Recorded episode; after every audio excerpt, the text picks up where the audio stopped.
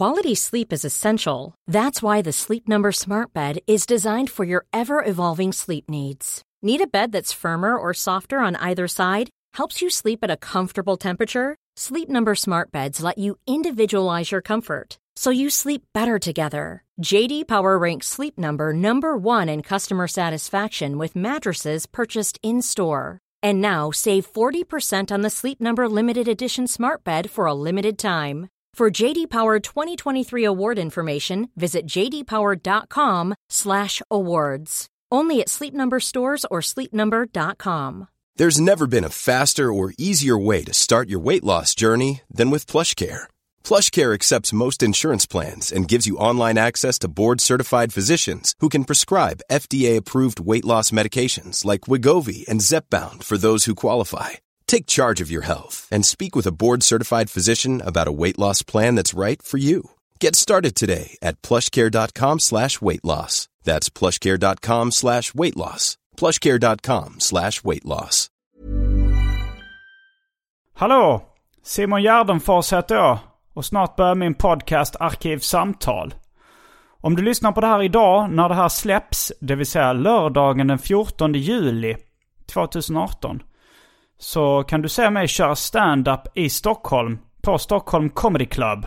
Och nästa vecka så drar jag ut på den kontroversiella Funny Fuck Up-turnén.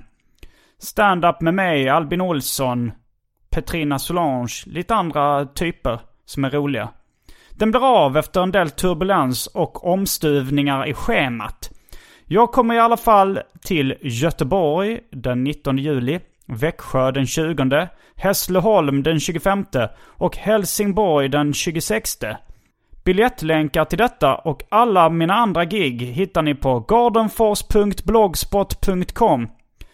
Vill ni stötta mig och eller den här podden ekonomiskt så släng in ett par dollar på patreon.com snedstreck arkivsamtal. Men om du är luspank så kan du väl åtminstone följa mig på Instagram. Där heter jag atgardenfors. Men nu kommer Arkivsamtal som klipps av Marcus Blomgren. Mycket nöje!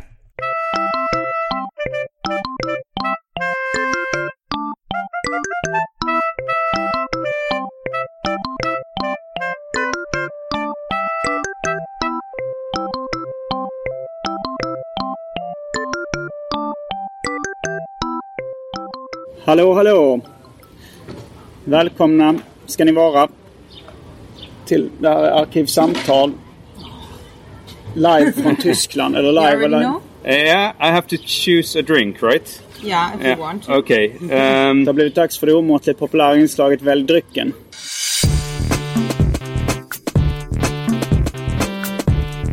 Jag tror vi börjar med det fasta inslaget Välj drycken! iced latte mitt milch.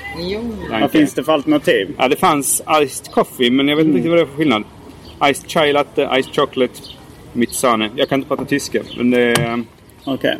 någonting. Jag köpte kaffe i alla fall, tror jag. Välkomna till Arkivsamtal. Jag heter Simon Gärdenfors och mitt emot mig sitter mina syskon Rebecka Gärdenfors och Dan Gärdenfors. Välkomna hit. Tack. Danke.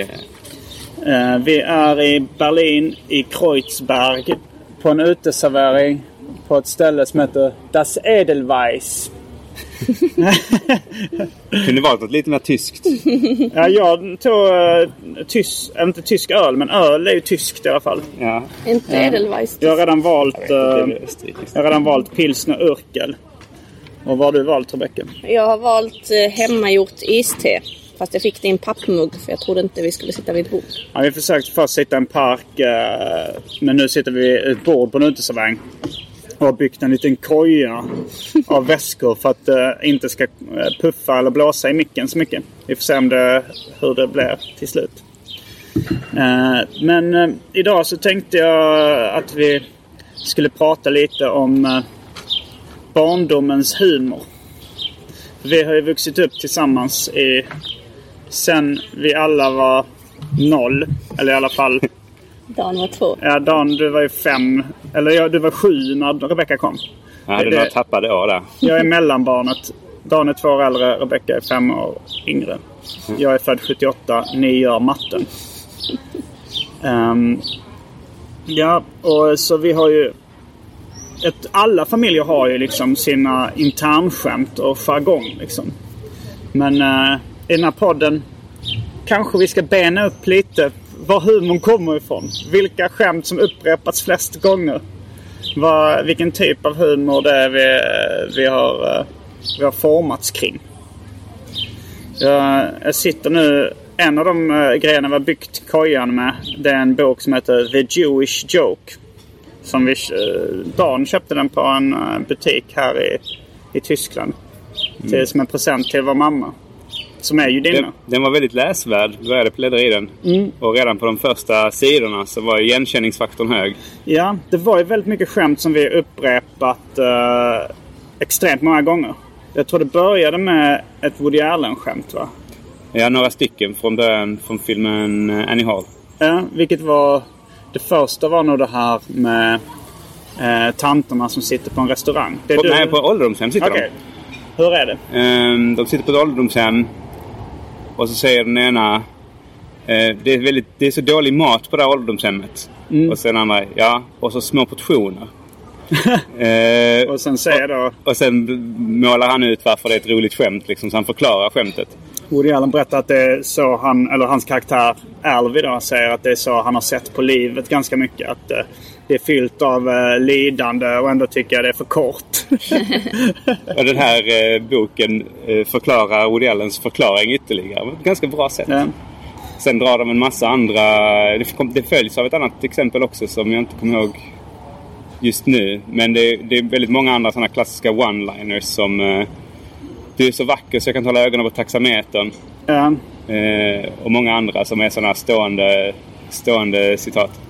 Ja, det var några väldigt roliga skämt i det. Men jag funderar på det. Jag, jag skulle nog inte säga att vår uppväxt har präglats av judisk humor. Inte vad jag vet. Det kanske har varit sjunkit in omedvetet. Men jag tänkte aldrig på det under uppväxten. Liksom. Vår morfar var en, var en skämtare som nästan tvångsmässigt drog ordvitsar och skämt hela tiden. Men det jag tänkte på med den här boken var att det var rätt mycket så här metahumor. Det var några riktigt roliga vitsar som jag inte hade hört förr. Som var nästan som antiskämt. Typ. Två icke-judar träffas på stan och den ena frågar hur är läget? Den andra säger tack bra. Och då är skämtet att eh, judar eh, alltid klagar då, eller gnäller. fast att de det är, eh, ja, och sen, för sen följde de upp det med Ännu bättre. Eh, eh, hur var den? Det är en jude som ringer till sin mamma och säger Mamma jag kan tyvärr inte komma på middagen ikväll. Och mamman säger Okej älskling, vi ses.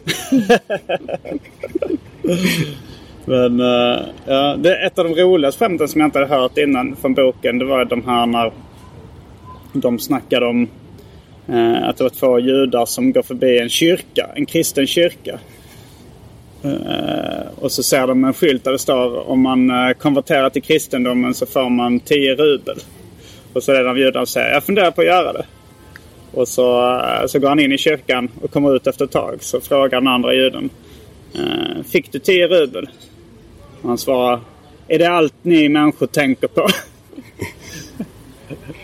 Lite roligare på people. engelska. Ja, Ja. you people.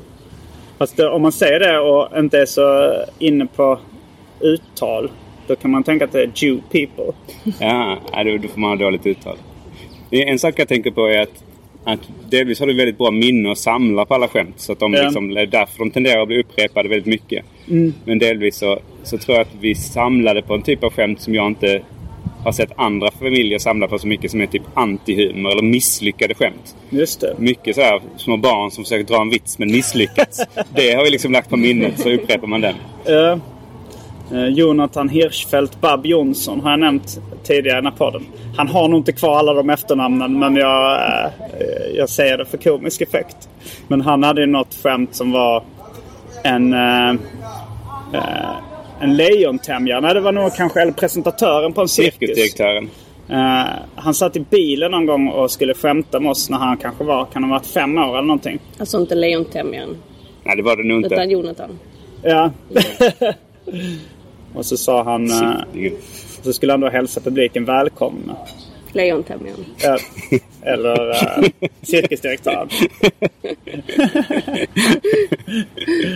och han sa välkom. Välkom. Men jag vågade han inte säga för han var så rädd för att lejonet skulle äta upp honom. Välkommen! Oj. Oj, nu kommer drycken. Tack. Ja, det var ett bra val. Vad ser var det för någonting? Jag såg inte riktigt vad Ja, det var en, en iskaffe med mjölk, men det var väldigt mycket mjölk. Nej, bruna isbitar. Nej, det det är väl lyx. det är en övertoning. Det är nästan en Gradient. brun sand. Ja, du har snackat mycket om gradienter på den här resan. Ja. ja, men jag gillar gradienter. Men det matchar också även min, eh, min brownie t-shirt. Ja, vi köpte en brownie. Det är så um, My Little Pony. M- Män som gillar My Little Pony. Eller unga killar. Känt från Arkivsamtal avsnitt 1. 2012. Fanatiska fans av My Little Pony. Men en, en återkommande grej under den här resan är att folk har varit ganska otrevliga. Tyskarna har varit ganska otrevliga mot oss. Ja, vi har ju mest träffats. Interagerat med tyskar å andra sidan. Ja, eh, förutom varandra. Ja. Vi har varit trevliga mot varandra. Eh, Men du för, komma ihåg några otrevligheter? ja, det första var... Du, hur, hur var det vi möttes av vår Airbnb-värd? Han kom och låste upp porten. Och vi var osäkra. Vi fattade inte att det var vår värd. Nej.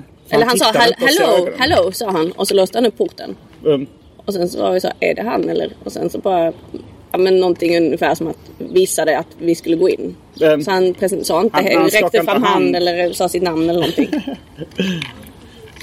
Och sen, eh, ja, och sen så sa han lite snabba tyska regler. Tyska. att man fick inte... Han drog renhetslagarna. Eh, och sen så försvann han därifrån och vi tänkte va? Det här var konstigt. Sen så gick vi till en seriebutik Eh, som hette Grober Unfug. Och, eh, och då så var det, det, den butiken hette Grober Unfug Comics. Men jag sa att det fanns då, i, vi bor i Kreuzberg så vi gick till, vi gick till Grober Unfug Comics i Kreuzberg. Men sen såg jag att det fanns ett annan affär i samma kedja som hette bara Grober Unfug. Utan comics. Som låg i mitten. Och då tänkte jag, men det kanske är en vanlig bokaffär. Uh, den här Grobbe Onfog eh, som inte har ett comics efter sig. Så jag frågade killen i kassan så uh, This other, other store, Grobbe Onfog, is that a comic book store as well? Och då så brusar han upp. What do you mean? Is that a comic book store? This is a comic book store! Till saken säga att du sitter på ett café. Tyskarna höjde inte på ett ögonbryn när du brusade upp. Det är normalt.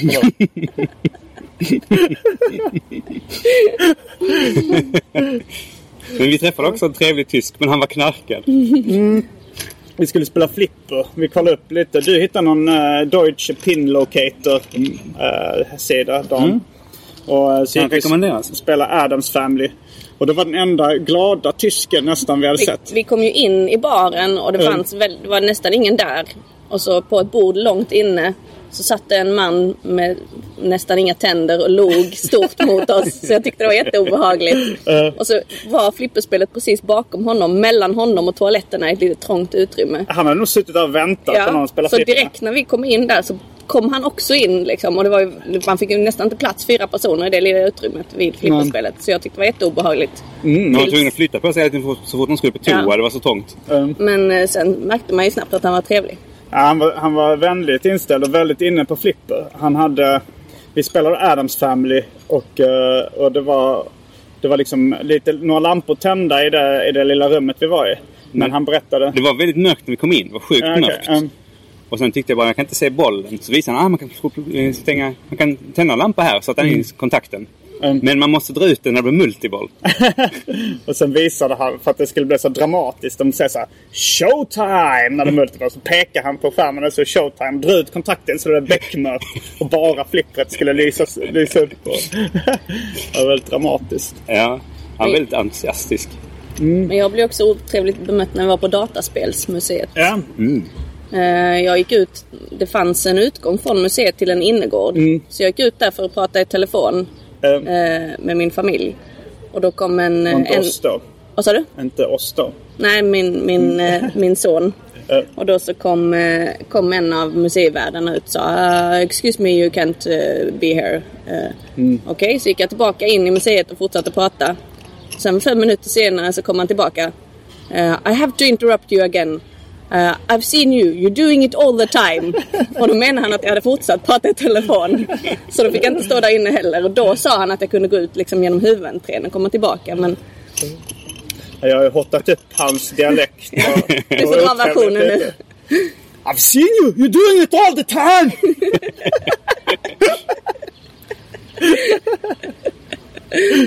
Det känns som det är så här där man hör aggressiv eh, engelska med tysk brytning Ja. så är det verkligen det är antingen gamla nazifilmer eller möjligen eh, någon stenhård eh, scen från, från här, vad heter han? Arne Schwarzenegger. Schwarzenegger tränar på ett gym. Österrikiska. Mm. Men, eh, ja, men jag, jag tycker det här var... Nu har vi fått bekräftat att det är baserat på fakta och iakttagelser. Också, jag skulle... I början när jag kom hit så klagade jag på att jag tyckte det var så äckligt med currywurst. Eller så, inte äckligt men så trist. För att eh, jag, när jag hörde talas om currywurst så tänkte jag att det var en korv som smakar väldigt mycket eh, curry. Men någon gång när jag såg det eller smakade när jag varit i Berlin tidigare så sa jag okej det är någon vanlig liksom smaklös korv.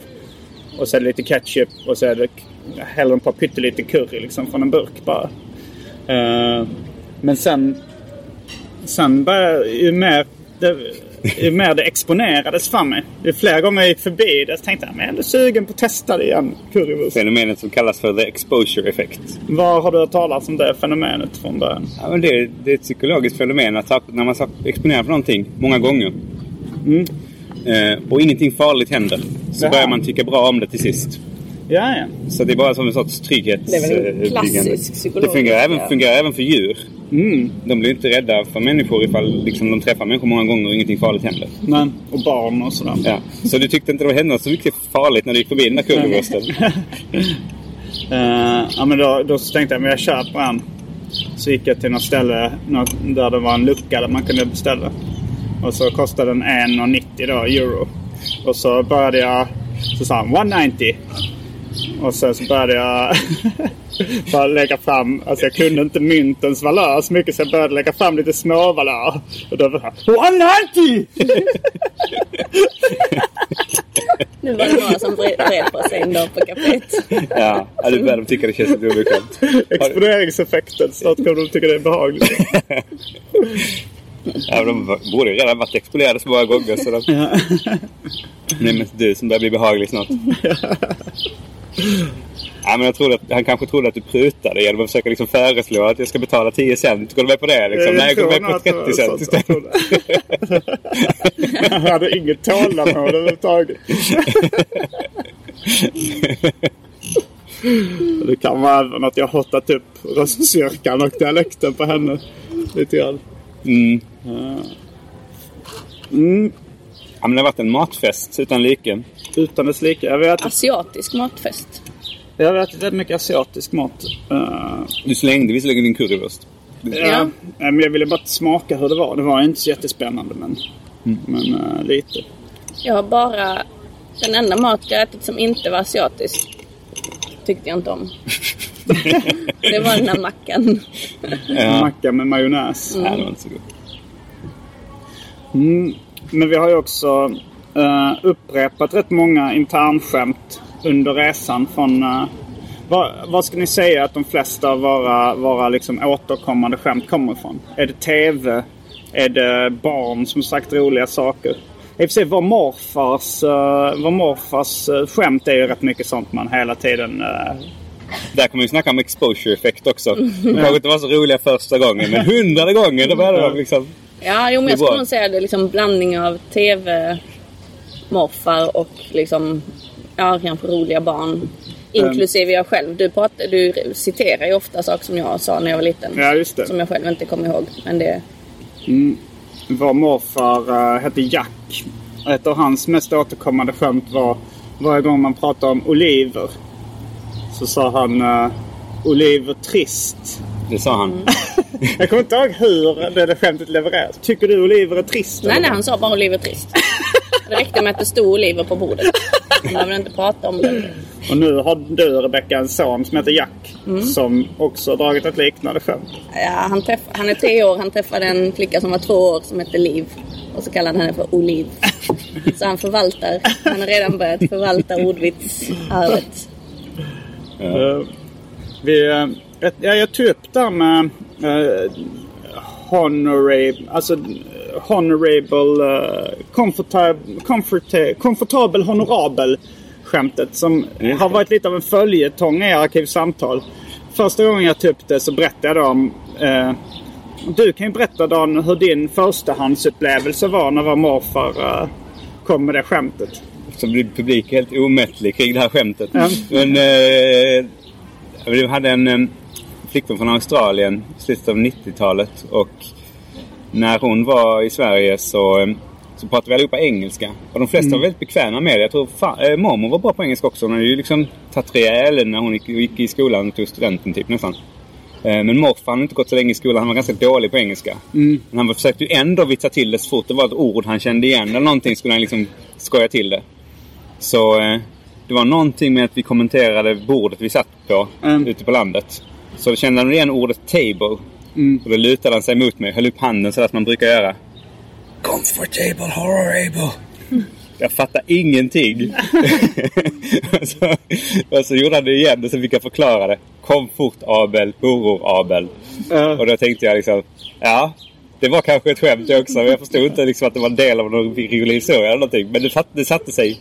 Och sen berättade jag det för dig och sen den vägen var det. Ja, men någon- frågade om jag hörde fel. Frågade om han sa honorabel istället. Men det, Ja. han viskade ju ändå det liksom. Så att nu är ju fråga, har jag börjat ifrågasätta det. ja. Ifall, men horrorable är ju roligare. Horrible, ja. ja. det finns ju inte ens. Nej, det, det var mycket mer obegripligare. Men eftersom han inte var så bra på engelska så kanske han trodde att horrible betydde... Uh, uttalas hor- horrible. Men, eh, men sen var det någon lyssnare som skrev att de ha, eh, som hade skrivit en uppsats eller läst en eh, avhandling om antisemitisk humor tror jag. Och då var det från Söndagsnisse eller Strix där det var ett skämt som var eh, att det var någon som skulle åka på en resa och skrivit hur kommer resan vara? Eller hur, var, hur är tågresan till den här staden? Då var det komfortabel, honorabel och den sprängkåte Den juden. Den le- juden. Eh, trodde då att det var komfortabel. Han hette Abel. Honorabel. Och avreste genast. Ett eh, ganska konstigt skämt. Men, det är lite intressant att det är ett antisemitiskt skämt. Men det här med han som kom ut ur kyrkan, det är ett judiskt skämt. Ja, det fanns ju ett kapitel i den här Ja, jag, tänkte, jag boken. skulle faktiskt precis upp det här. How do you tell the difference between a Jew and an antisemite? Ett kapitel i, i boken. Ja, den här är ganska bra. Antisemiten tycker judarna är en, för, för, är en, eh, en obehaglig ras. Men Cohen, han är inte, inte så stort problem med honom. Han är rätt trevlig. Kushner, han är ganska schysst också. Juden, å andra sidan, tycker att hans folk är det, är det bästa i hela världen. Men Cohen, vilken schmuck. Kushner, don't get me started. Ja, det är tvärtom. Ja, men det, det skulle man kunna översätta med... Alltså så är det ju ofta i Sverige också. Man säger så här... Eh, men, eh, rasister som de gillar inte invandrare. Men Ahmed han får stanna. Han gör god falafel. Liksom. Eh, att man har vissa. Att, men, att det är tvärtom. Man gillar den och den. Men stora folkgrupper gillar man inte. Så kan man vända på det. Ja. ja, det skulle funka med vilken folkgrupp som helst. Men det var, de, de, när jag stod och bläddrade i den här boken. I, det var någon rätt bra bokhandel vi gick förbi. Vad hette den? Shakespeare någonting. Dan? Shakespeare... Nej, hette den? Det hette inte Shakespeare and Company, men något liknande. Det var påminner om den kända bokbutiken i Paris. Shakespeare and Sons. Ja, jag tror det var det. Eh, men då började jag bläddra i den här boken The Jewish Joke. Och det, jag läste upp något för dig som vi skrattade åt. Och då var det... eh, då var det så här... eh, fru... eh, vi säger att hon heter Alschuller i efternamn. Bara för att vara släktingar. Fru Alschuller äh, eh, annonserar att äh, hennes son eh, just har fötts. Doktor Samuel Alschuller. och då är skämtet att... att det är kliché att judiska mammor vill att deras son ska bli, söner ska bli läkare.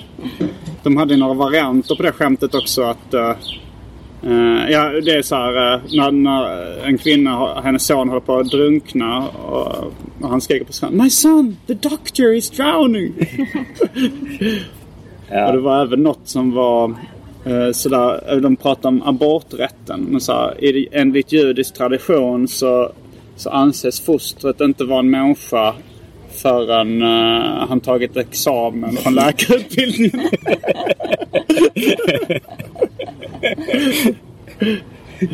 Jag, jag blev ändå ganska förvånad när, eh, när vår mamma avslöjade att hon ville att du skulle bli läkare Dan. Ja, men varför var jag så händig så jag skulle bli kirurg? Ja men det var så här, för jag kommer ihåg att när du, så här, du drog ut eh, spågor, som man säger på skånska. Stickor kan man säga om man fått en liten mm, träflisa under huden liksom. Och så gjorde du med en pincett. Och då så tog hon fram kameran så här. Det har inget minne jag ja, Det finns- fotot skulle jag vilja se. Det finns, det finns, finns en det på fotoserie. när jag sitter och läser Bamse för att Just det, det minns jag. Och nu efterhand har jag tänkt att så här, är det för att eh, hon ville att du skulle läkare? Och tänkte redan som barn drog han ut spågor. Hon förberedde för min lä- läkarexamensfest. Skulle visa upp det fotot. Eh, men, eh, Vi har ju en släkting som, eh, som är klockren. eh, Eller hon, vi hade en släkting som faktiskt pratade precis så också. Ja, moster Paula. Ja. Eh, Det var, hon hade sagt till... Jag satt bredvid henne någon gång, men det, det kanske blev... Mormors syster var det alltså. Mormor sist. Ja, när hon sa till mig så här. Simon, du vet att jag har en son som är läkare! jag kände hennes son, Fred Allan Gordon. Eller känner honom fortfarande. Han är också en återkommande karaktär i Arkivsamtal. Men, eh, ja, men hon har sagt liknande grejer så jag har hört det till, Ja, till... till- mamma. Ja men jag vet, min kusin Fredag. Undrar hur många gånger hon har sagt det totalt i sitt liv. Och de till och med säger det till sina släktingar. De måste säga det till alla de träffar. Mormor lät ju lite så också. Jag brukar citera när hon, när jag var med i, hon läste tidningen Metro, gratistidningen som jag kunde hämta. Och när hon sa att jag var med i den tidningen fast så, så ringde de och sa Simon, du är berömd!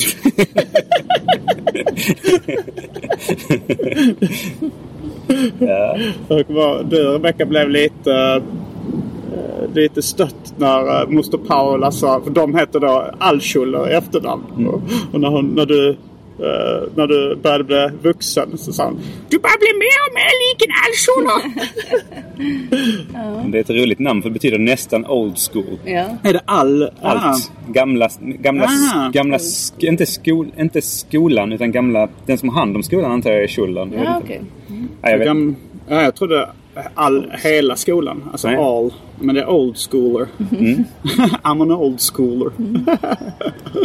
Så det är, det är ta, ta artistnamn till nästa karriär. ja, annars så har jag ju tänkt på Rebecka Rebetski. För Rebetski finns också i Är släkten. det ett eh, judiskt efternamn? Ja, det är någon på, som, av släktingarna som heter det. Aha, Rebetski. Jag kommer inte ihåg några historier om Rebetski.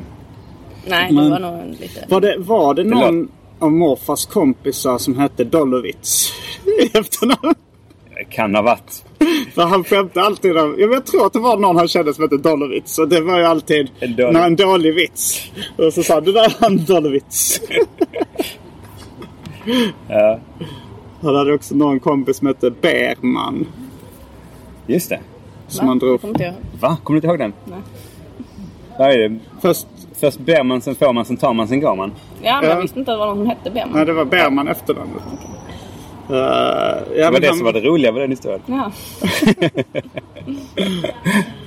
Men, ehm, ja, men han, Jag tror han hade också en klädaffär. Eh, men Berman var nog inte jude. För jag kommer ihåg att han skulle ha någon julkampanj. Mhm. Och mamma berättade att, att det, här, det här är dåligt. Att jag blev, det är så dåligt så att jag blev generad över det. Uh, att han hade föreslagit en julkampanj som skulle vara Kul jul med Bermans kalsonger. Det var nog roligt för eh, 40-50 år sedan.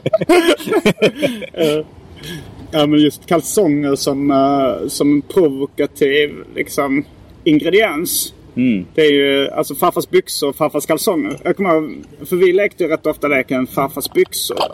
Men det var vissa barn som hade tagit det lite längre. Vissa varianter att man skulle då eh, säga farfars kalsonger. Så det skulle bli Det kan man inte hålla sig för skratt.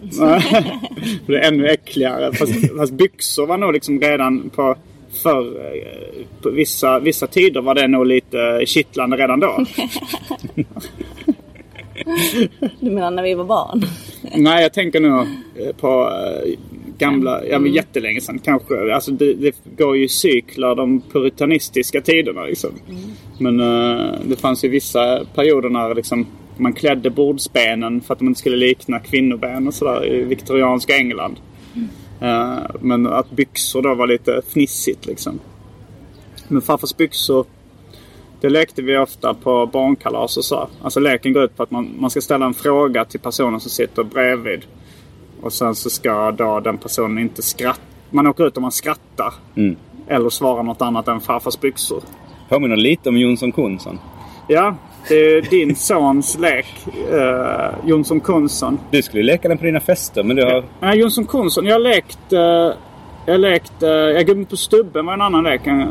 uh, en annan uh, unges påhitt. Men, uh, uh, men Jonsson Konsson. Jag, vi lekte ju på din, på din 42-årsdag så lekte vi Jonsson Konsson. Mm, jag har även kallat den förbjudna leken. Just det.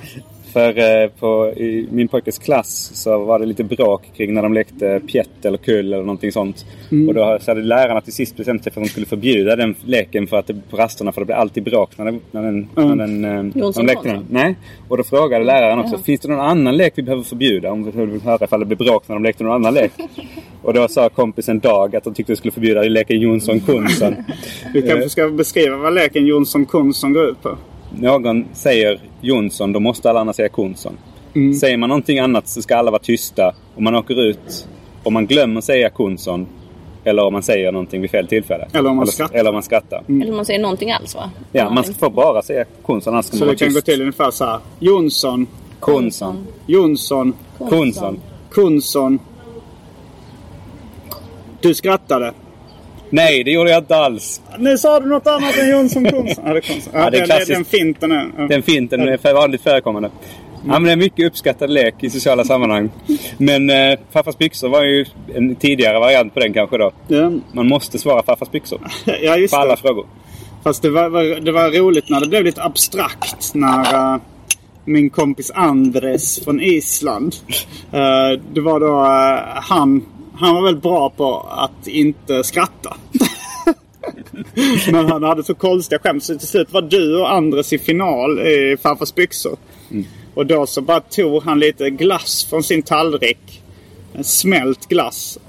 Och tog upp en sked och hällde ut framför ansiktet lite äckligt och frågade Vill du ha?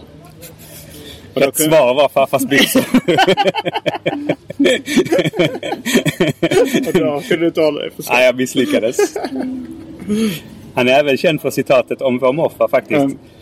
Dan, din morfar han är så skrattig. Att han skulle säga rolig på svenska sa skrattig. Och när vi berättade för morfar så sa han Han menar nog skraltig. Jag visste inte.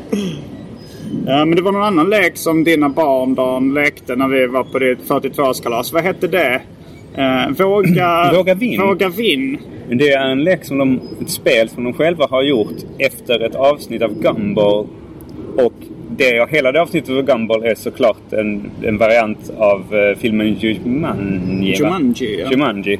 Som Det är handlar en om att eklektisk lek. ett spel där man måste göra en viss utmaning. Ofta är det någonting som varar resten av spelet. Mm. Så man måste... Man kommer till någon ruta så måste man spela resten av spelet iklädd lösnäsa eller med vantar eller med skånsk dialekt eller vad det var. Ja, när jag kom in där så hade de peruk, skånsk dialekt och din dotter Selma hade tejpskägg. Det Mm, hon såg väldigt konstig ut i ansiktet. Det är svårt att se för det var genomskinlig tejp. hade gjort ett skägg av tejp. Det hade de kommit på själv i alla fall. Ja. Det var väldigt skojigt. Ja, det verkar vara skrattfest utan like. Ja, men den är, det spelet är väldigt kul. Man ska även eh, öppna fönstret och göra ropa saker som så här pinsamma. Kuckeliku eller någonting genom fönstret Mm. ut till grannarna och sånt. Ja, det är lite som sanning och konsekvens också. Mm. Men eh, just att de staplar olika sådana liksom, eh, nackdelar ovanpå varandra blev väldigt roligt. Ja, att till slut sitter man med tejpskägg, skånsk. Alltså, det är roligt att det utspelar sig i Skåne. Alla pratar skånska. Men de hade ändå lite bredare skånska. Ja. Finlandssvenska var det väl också som var en skämtdialekt. Ja, men det finns, eh, det finns många minnen kring sådana skojiga barn vi träffat. Mm. Andres han är ju rätt många olika rätt många olika saker. Men det är just, jag tror att det är det att du alltid upprepar dem så att man minns dem. Mm. Du har inte så mycket annat för dig kanske. Det är därför du liksom kommer ihåg all humor som du någonsin hört. Men det är ja, precis. Jag tänker det är ju mycket fokus på barndomen. Ja, alltså jag det ju. tänker det är mycket mer skojiga barn än skojiga vuxna. Ja, Gamlingar och barn. Barn och gamlingar. Jo men det är det ju. Men det är också det att vi var ju mest barn när vi växte upp tillsammans. Alltså, sen så då, eh, ja men kanske tonåringar också.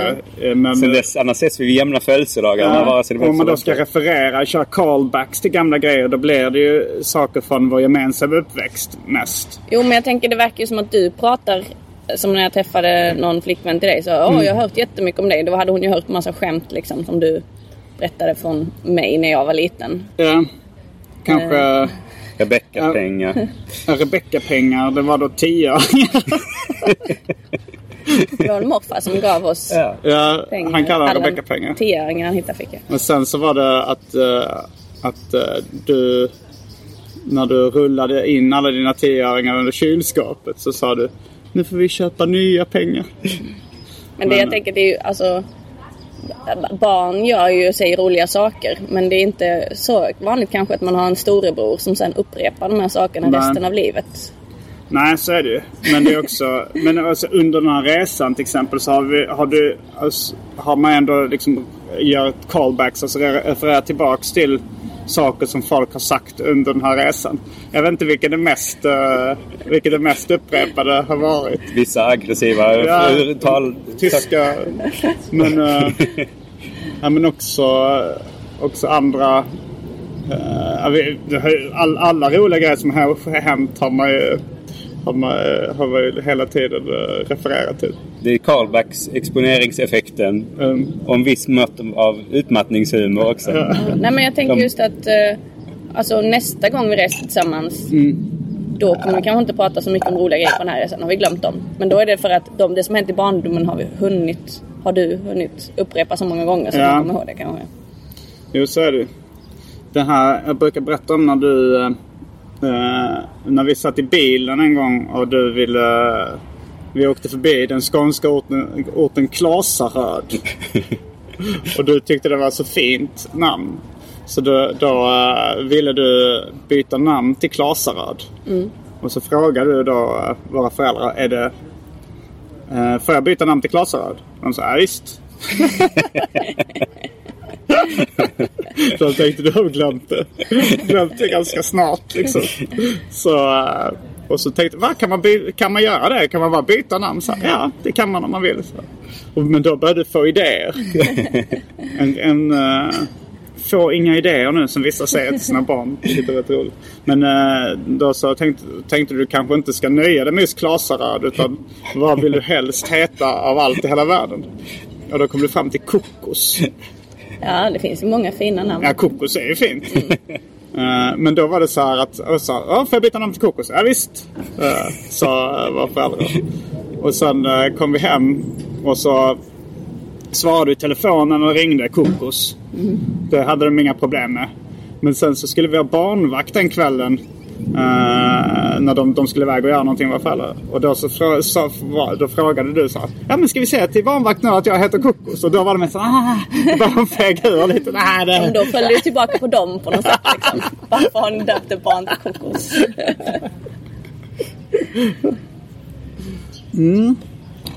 Vad har vi mer för grejer? Men vi har mycket, jag tänk, det som jag i alla fall kan referera till är ju så citat från Ebba och Didrik och vissa filmer och sådär. Men det jag tänker att det är nog rätt vanligt i familjer att man har sett vissa filmer tillsammans Ja, och drar citat från dem. Eller Absolut. kanske humorprogram och sådär. ja. Ebba och Didrik brukar vi citera. Picassos äventyr. Mycket från en himla många program med Galenskaparna After Shave. Eh, Filmen Top Secret känns Ja. som är Ja, ständigt det. återkommande. Men det var också...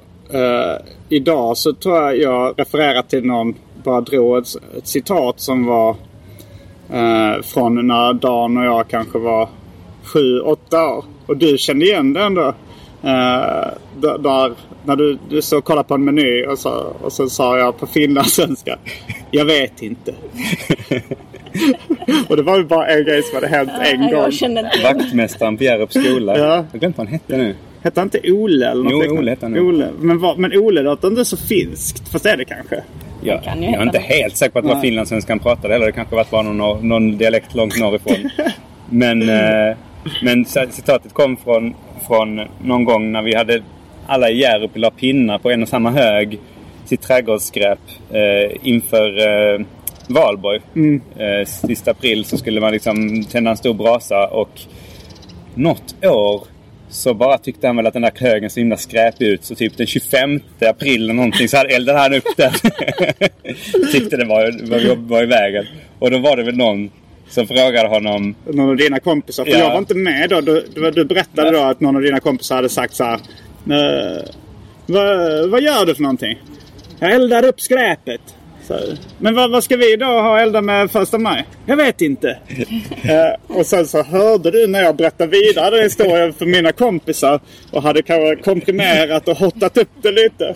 Och, och så sa jag så här, Ola han hade stått och eldat den här, alla de pinnarna vi hade samlat ihop på fotbollsplanen. Han stod där och eldade dem och så kom eh, Dan och hans kompisar och frågade Vad gör du? Och då sa han Jag vet inte. och då kom du in. Nej, så var det inte alls. Men det är ju det som är jäkligt kul med att man äh, träffar sina syskon ibland. Att man har ju egentligen man har väldigt mycket så här passivt minne som ligger någonstans i bakhuvudet. Mm. Och jag kommer inte ihåg allting som ligger där i bakhuvudet. Så, men, men du kommer ihåg andra grejer än jag. Så tillsammans har man ju mer, st- mycket större kollektivt minne. Så det känns som den här upprepningseffekten att man påminner varandra om olika grejer som man glömt bort. Mm.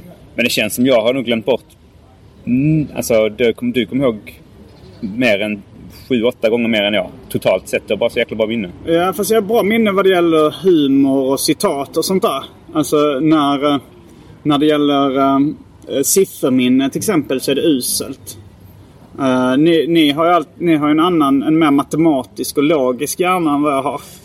Har, har jag tänkt på. Alltså, uh, alltså jag jag kunde sitta runt köksbordet som liten och så var det så här att pappa eller någon drog så här.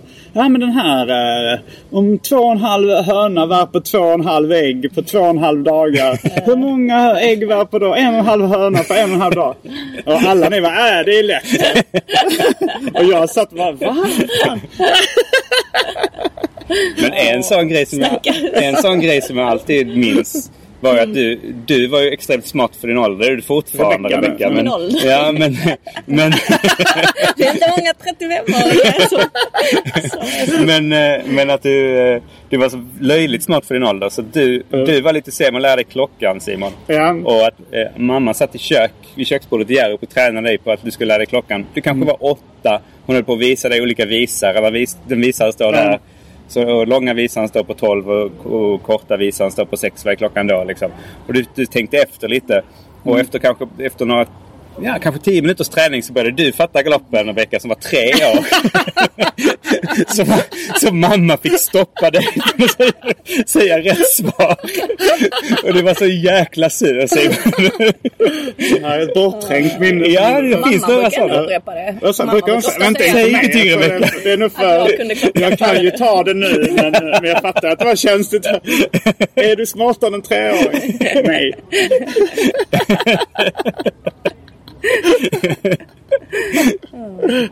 Jag kommer också för uh, vår pappa är, är professor i kognitionsvetenskap och han liksom gjorde mycket sådana här exempel med, med apor. Så var det då ett, eh, ett alltså om apors beteende och sådär. Så var det ett, eh, ett test där eh, man hade olika eh, lådor i ett rum. Och så hängde det bananer högt upp i taket. Så var det väl att schimpanser fattade att man skulle stapla lådorna på varandra för att hämta aporna. Eller för att hämta bananerna. Men att kanske en treåring inte fattade eller det var någon sån jämförelse. Och, då, och då så sa jag, ja, jag, jag var, var rätt liten och sa jag förstår inte. Och så sa mamma så här, då är du dummare än en apa. Hon Åh, skojade då. då. Jag satte på djupet.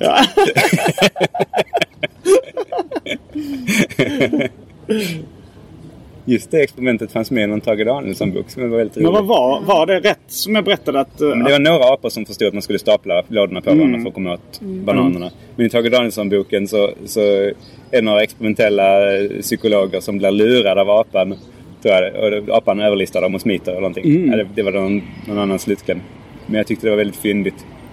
Jag tänkte på en, eh, ett skämt som jag brukar upprepa. Som jag tror jag hörde hemma hos min kompis Kalle Kylberg. Hans pappa Björn Kylberg hade massa humorskivor. De var väldigt humorintresserade också den familjen.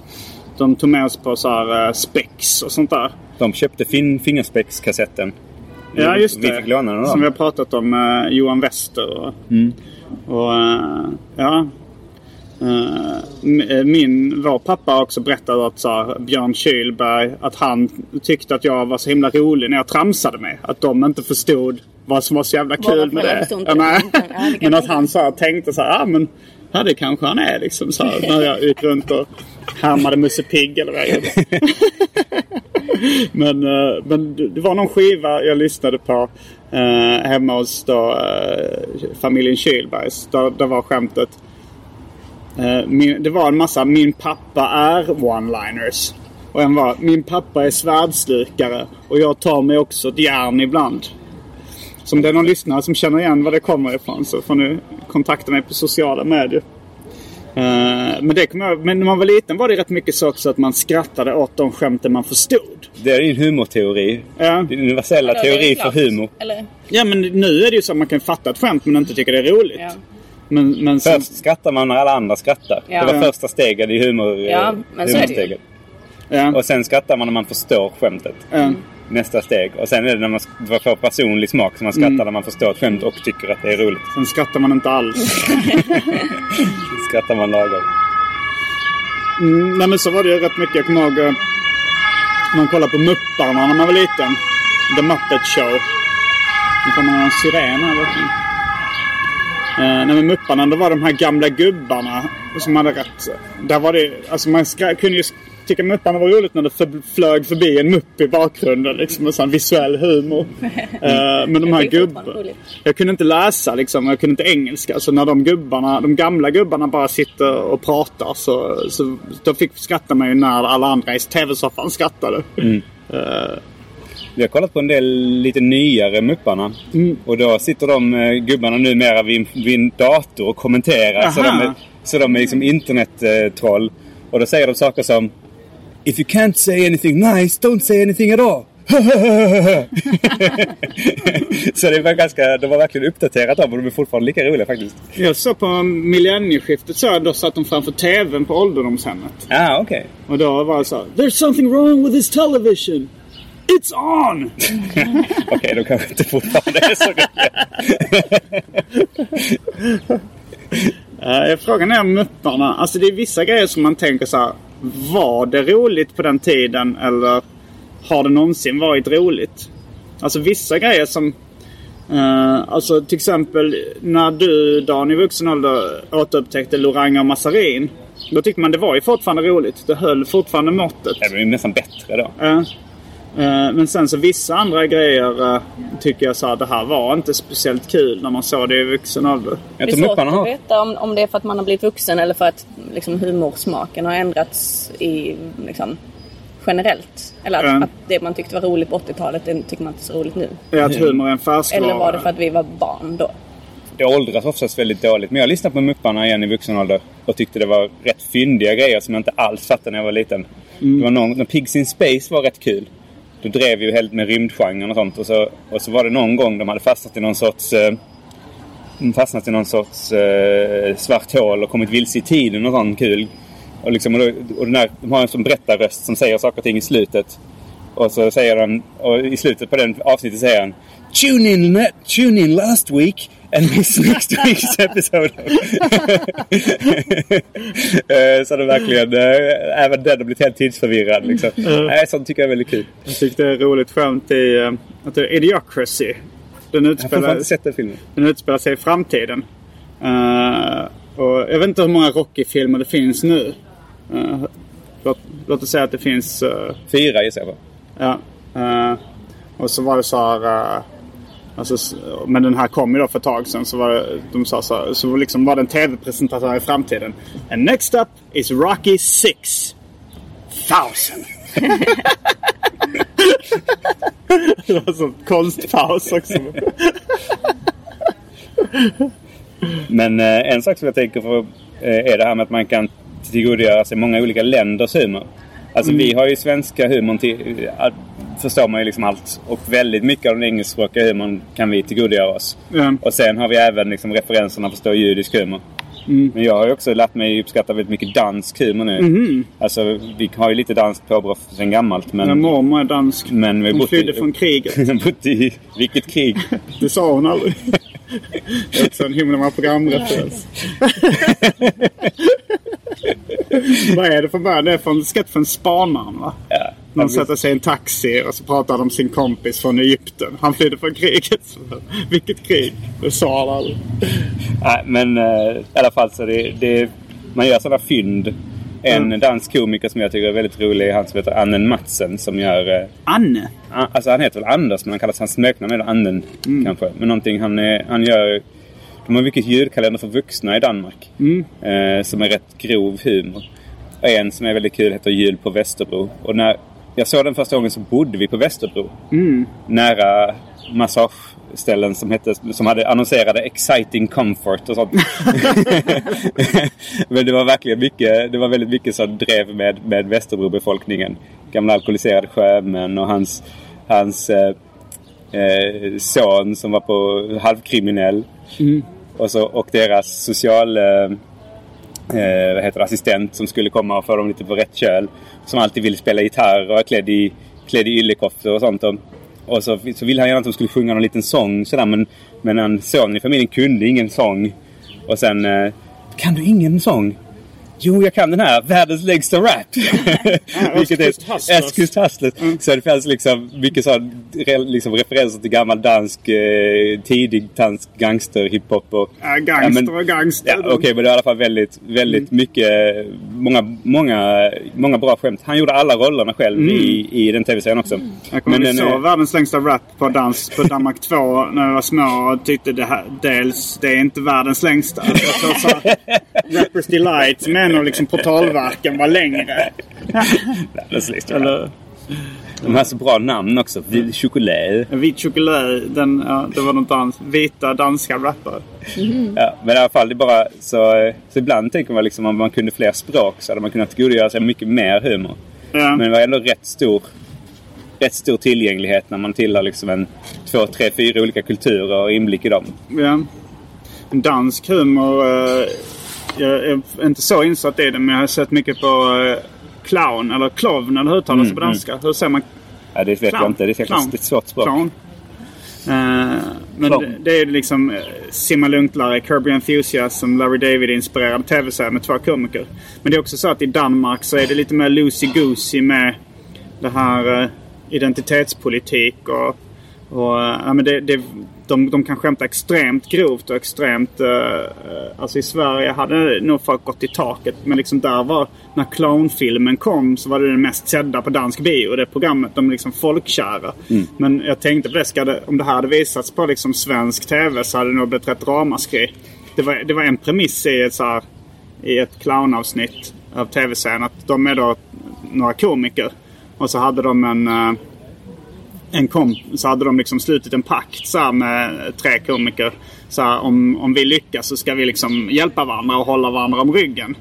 Och sen så är det de, de två har blivit framgångsrika, de två det handlar om. Uh, och sen så är det då att deras kompis från förr uh, hör av sig. Så här, nu behöver jag er hjälp. Uh, jag har hamnat i lite så här... Uh, min, uh, vår stödhjälp har anklagat mig för våldtäkt. Och jag är oskyldig. Eh, och de sa ja men det är klart vi ställer upp och så liksom. Och hjälper dig och så. Och sen så är de ute och festar i någon stuga. De, de åker ut liksom och ska liksom för, så han ska komma bort lite från, från all uppståndelse och sådär. Så är de ute i någon stuga och festar med några, med några svenska tjejer. Och sen så, sen så hör de att en av de svenska tjejerna får skrik. Liksom, våldtäkt, våldtäkt! Så, de är så, han kanske är våldtäktsman i alla fall. Det är så extremt grovt. Att det är så här liksom ändå Den populäraste humorn i Danmark är ändå den typen av rätt råa grejer. De var liksom... Uh, de, de, som tar heroin och liksom. De bestämmer sig för att testa heroin och sen tar deras kompis det och däckar. Sen så där, ah, de fegar ur, de vill inte ta det. If you thought the only way to get a more defined jawline with natural looking results was through surgery, think again. Juvederm Volux XC is a non surgical injectable gel filler that improves moderate to severe loss of jawline definition and can help you achieve natural looking results with little downtime. Even better, this improved definition lasts up to one year with optimal treatment. No maintenance required. Improve jawline definition for a smooth, sculpted look with Juvederm Volux XC. For important safety information and to find a licensed specialist, visit juvederm.com. That's J U V E D E R M.com. Not for people with severe allergic reactions, allergies to lidocaine, or the proteins used in Juvederm. Common side effects include injection site redness, swelling, pain, tenderness, firmness, lumps, bumps, bruising, discoloration, or itching. There's a risk of unintentional injection into a blood vessel, which can cause vision abnormalities, blindness, stroke, temporary scabs, or scarring. Talk to a licensed specialist to find out if it's right for you. Quality sleep is essential. That's why the Sleep Number Smart Bed is designed for your ever evolving sleep needs. Need a bed that's firmer or softer on either side? Helps you sleep at a comfortable temperature? Sleep Number Smart Beds let you individualize your comfort so you sleep better together. JD Power ranks Sleep Number number 1 in customer satisfaction with mattresses purchased in-store. And now save 40% on the Sleep Number limited edition smart bed for a limited time. For JD Power 2023 award information, visit jdpower.com/awards. Only at Sleep Number stores or sleepnumber.com. Millions of people have lost weight with personalized plans from Noom, like Evan, who can't stand salads and still lost 50 pounds. Salads generally for most people are the easy button, right? For me, that wasn't an option. I never really was a salad guy. That's just not who I am. But Noom worked for me. Get your personalized plan today at Noom.com. Real Noom user compensated to provide their story. In four weeks, the typical Noom user can expect to lose one to two pounds per week. Individual results may vary. Klockan är halv två nu. Men klockan halv två? Ja. Men vi behöver inte dra från två. Nej, men vi ska väl äta något eller? Eller ska Ja. vi skita i det? Äta något asiatiskt. Hinner vi äta något på en halvtimme? Nej, jag vet inte. Vi kanske får ta på något på flygplatsen? Något eller? asiatiskt på flygplatsen. Ja. ja, vi, kanske, vi snackade om att äta halloumi innan den skulle ta slut. Du, Rebecka, hade läst en artikel om att eh, halloumin var på väg att ta slut. Att Men, men sommaren... den håller, rätt länge så man kan också bunkra. Ja. Jag tror den håller typ ett år. Ja. Den är så salt. Men jag tänkte på den här eh, ståuppklubben som du var på. Ja, just den Eh, här i Tyskland eller? Ja, men kring, kring vad som är okej att skämta om och sånt. Det var så uppenbart. Mm. Men Det var så stereotypa... Eh, de, de som vi såg där var så stereotypa liksom. Representerade sina länder så mycket. Mm. Så det var... Var han irländare eller? Han skämtade verkligen bara om att supa. Mm. Det var rätt lågt. det var typ, ha en kompis som är jävligt bra på att supa så skrattade publiken. Liksom. Det var typ den typen av historia. Mm. Eh, och sen, sen var det en Israel som bara skämtade om förintelsen. Ja, men han var rätt rolig Ja, han var väldigt rolig. Och Han hade vissa premiss, skämtpremisser som jag var avundsjuk på att jag inte hade kommit på. Det handlar om li- hjälp, eh, av, eh, av Auschwitz. Och att det där är så här 4,5. Det- liksom, är, det, Stjärnor. är det bra eller så, ska man, så var det någon som hade klagat. Jag blev inte så ledsen som jag hade trott att jag skulle bli. Att det var någon som och de sa ja vi ska försöka till nästa gång göra det värre det här. Alltså, Han, han mjölkade det, det skämtet uh, ganska länge. Annars var det en väldigt rolig klubb. Han som, han som gick på innan det var en väldigt kort kille från Australien. Ja, alltså, sen- Han hade väl någon slags... eh, eh, jag vet inte vad man kallar... Alltså han var inte dvärg eller kortväxt utan han var ju liksom... Han var ju kortare än en dvärg. Han var, ja, han var, han var bara en, en krympt människa liksom. En väldigt liten. Och sen, sen har du några vitsar om hur kort du är som Mm. kanske funkar lite i Sverige. Men i Tyskland är du typ medellängd kanske. en människa. jag tyckte själv det var kul att säga så här. Ah, vi har två korta killar i rad. men, men det var ingen som skrattade det. Ingen då. som. De, de tänkte... men han var nog liksom en och tio liksom. Ja. Han... När vi kom ner i källarlokalen där så blev jag så jäkla rädd. För, jag, för det var en jävligt cool lokal. För det var ganska mycket så här roliga skulpturer eller saker de hade byggt upp i någon sorts 80-tals sci-fi eh, Ziggy Stardust estetik liksom. Mm. Och sen så kom man ner i källaren till, till ståupprummen. Och då var det liksom också en sån liten figur där som jag, jag trodde det var en skulptur eller någonting. Mm. Som sen började röra sig. Så jag var ryckte verkligen till. Eh, men det var fantastiskt. Han stod och snackade med någon kvinna som var någon sån riktig Frida Kahlo lookalike också. Det kändes verkligen... Alltså jättestor mun. Det kändes verkligen som att klivit in i en uh, David Lynch-film. Eller... Ja, det var inredningen var också väldigt... Uh, vad och, hette den baren nu? Och det var så uppenbart David Lynch. Så när du och jag skulle kommentera det för varandra så försökte vi säga det utan att säga regissörens namn. Vad hette den? Men lynchstämning sa ni att det var sen. Det tänkte vi på någonting annat. Men kan, vi kan rekommendera den baren i alla fall. Alltså klubben hette We're Not Gemused. Ja, Gemüst ja. Gemüst som betyder grönsaker va? Ja. Mm. Uh, de hade till och med en egen sång. Det var skitbra. Men baren uh, den hette någonting Sameheads Berlin. Ja, just det. Ja, vi gick först förbi den och då, då tittade jag längtansfullt in. Tyckte det såg ut som en så himla cool Berlinbar. Och sen visade det sig att det var där vi skulle vara. Så det var mm. Jag drog eh, ett förintelseskämt på, på Instagram stories när vi var på, vi var på Datorspelsmuseet. Som var väldigt kul också. Och då så hade de en liten arkadhall där, där jag spelade Pac-Man som jag fick high score för. Så la jag high score eh, på Pac-Man i Berlin. Tyskland, judarna, 1-1.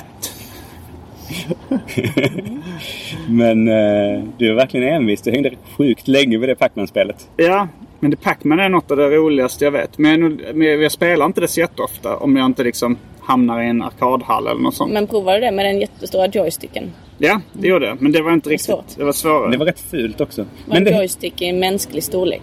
Som man fick stå och putta på. Men, ja.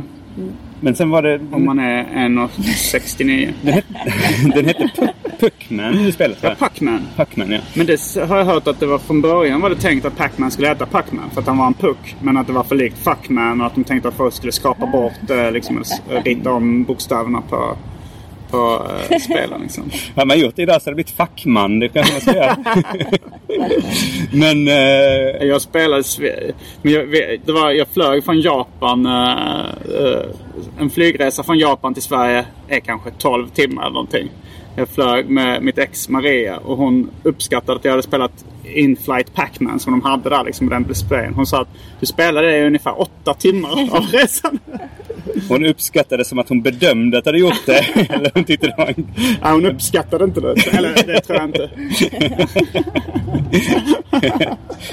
Men det var ganska kul. I den lilla arkadhallen fanns det alla, alla möjliga klassiker. Och när man tittar på dem så så var de så jävla fula många av dem. Liksom Frogger-spelet var helt liksom luddigt i kanterna på mm. pixlarna. Helt oskarpa och sånt. Och Pac-Man var helt jävla knivskarpt. Fortfarande skitsnyggt. Mm. Helt jättetydlig, snygg grafik. Bra musik. Det var verkligen det var helt outstanding. Mm. Det fanns ju ingenting i den kvaliteten. Frogger, det spelade vi på Commodore 64 när vi var små också. Men det, jag, jag tänkte på det. Det finns ett väldigt roligt Seinfeld-avsnitt där George uh, han, har, han tar rekordet i vuxen ålder på på um, Frogger på, en, på ett café. Och sen så, sen så ska de då eh, sälja det spelet eller någonting. Och han köper det men vill ha kvar sitt rekord. Men om man, men om man drar ur sladden så, så går det inte. Men då lyckas han liksom fixa någon stor så här eh, elaggregat eller någonting som man ska koppla till det. Och sen så ska han liksom släpa det över gatan. Men då blir gatan som ett Frogger-spel. Att han har svårt att... Men hur gör han? Han måste ändå sladden för att koppla ett elaggregat. Det, det var nog bara ett stort batteri måste det vara. Det kanske, jag, jag vet inte. Det är nog inte baserat på en sann Men han sa, alltså Frogger, det här spelet, att få den grodan över gatan. Jag, med mina tonår så var det viktigaste i hela mitt liv. Och så säger Jerry. Och du har gått vidare till vad för någonting? Seinfeld är också någonting vi på senare tid har uh, citerat, kanske mest jag och Dan då, citerat mm. väldigt mycket. Det roliga var att det citatet som vi drog tidigare på resan. Eh, det som handlar om tandläkaren som konverterar till judendomen bara för att kunna dra judeskämt. Ja, men det får du nog dra för lyssnarna. Jaha, eh, okej. Okay. Han... Eh, Jerry går till en tandläkare eh, som eh, av någon anledning vill kunna dra de skämten. Jag kommer inte riktigt ihåg historien. I alla fall så han var det komiker. Han, han, han konverterade till judendomen så kunde han börja dra massa, massa eh, judiska skämt. Och då när Jerry berättar för någon kompis senare hur mycket han retar sig för detta, för sin irriterade tandläkare, så frågar kompisen uh, So does that offend you as a Jew?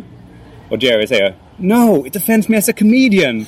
och just det citatet finns naturligtvis med i, den här boken också. I Jewish Joke-boken. Ja, så det är, på något sätt så känns det som hon som skrivit den har eh, hakat upp sig på precis, Ja, det precis verkar vara samma som vi samma... eh, gillar. Många skämt som... eh, Men äh, det är väldigt, eh, väldigt roligt sammanträffande. Mm, var du som... eh, Det var nog du som fick mig att börja kolla på Seinfeld.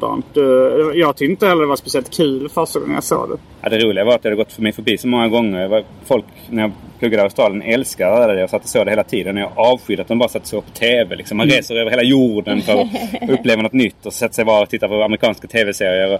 Jag var så negativ till det. Och sen plötsligt började jag älska det. Någon gång när jag såg det. Det var ett sånt avsnitt som var sådär riktigt klockrent, snyggt sammanknutet. Eh, Jag kommer inte ihåg vilket av dem det var. Det var nog det när de skulle dra ut sladden ifrån, eh, ifrån eh, kuvösen. Eller Respiratorn. Ja, dra ut sladden skämt. Ja, ja, men det, men det, det påminner också om en sak vi snackade mycket om som är ögonblicket då man slog över från att avsky till att gilla koriander. Ja, just det. Det har varit ett stående inslag på den här resan också. Ja. Men vi pratade, för jag tänkte på det, just det att knyta ihop avsnitten, eh, liksom, eh, de olika handlingstrådarna, knyta ihop den. Det är så Larry David och Larry Charles som gjorde det väldigt mycket. Och jag nämnde Larry David som, min, när vi pratade om vilken som var vår största idol av någon anledning, så nämnde jag Larry David och Joe Matt bland annat.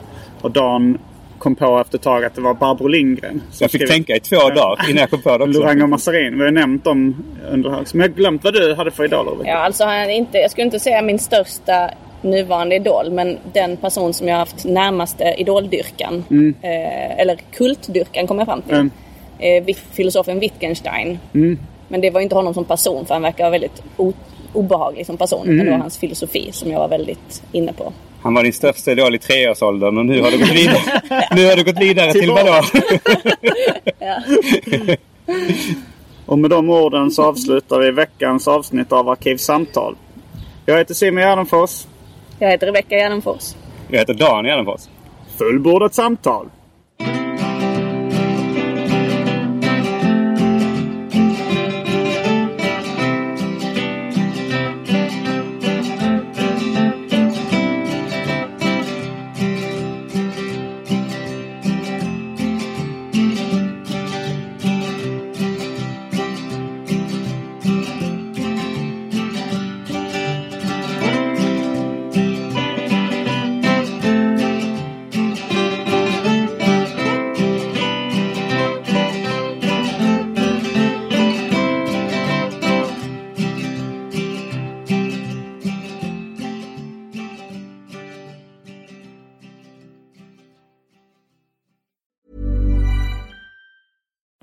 Being a little extra can be a bit much, but when it comes to healthcare, it pays to be extra.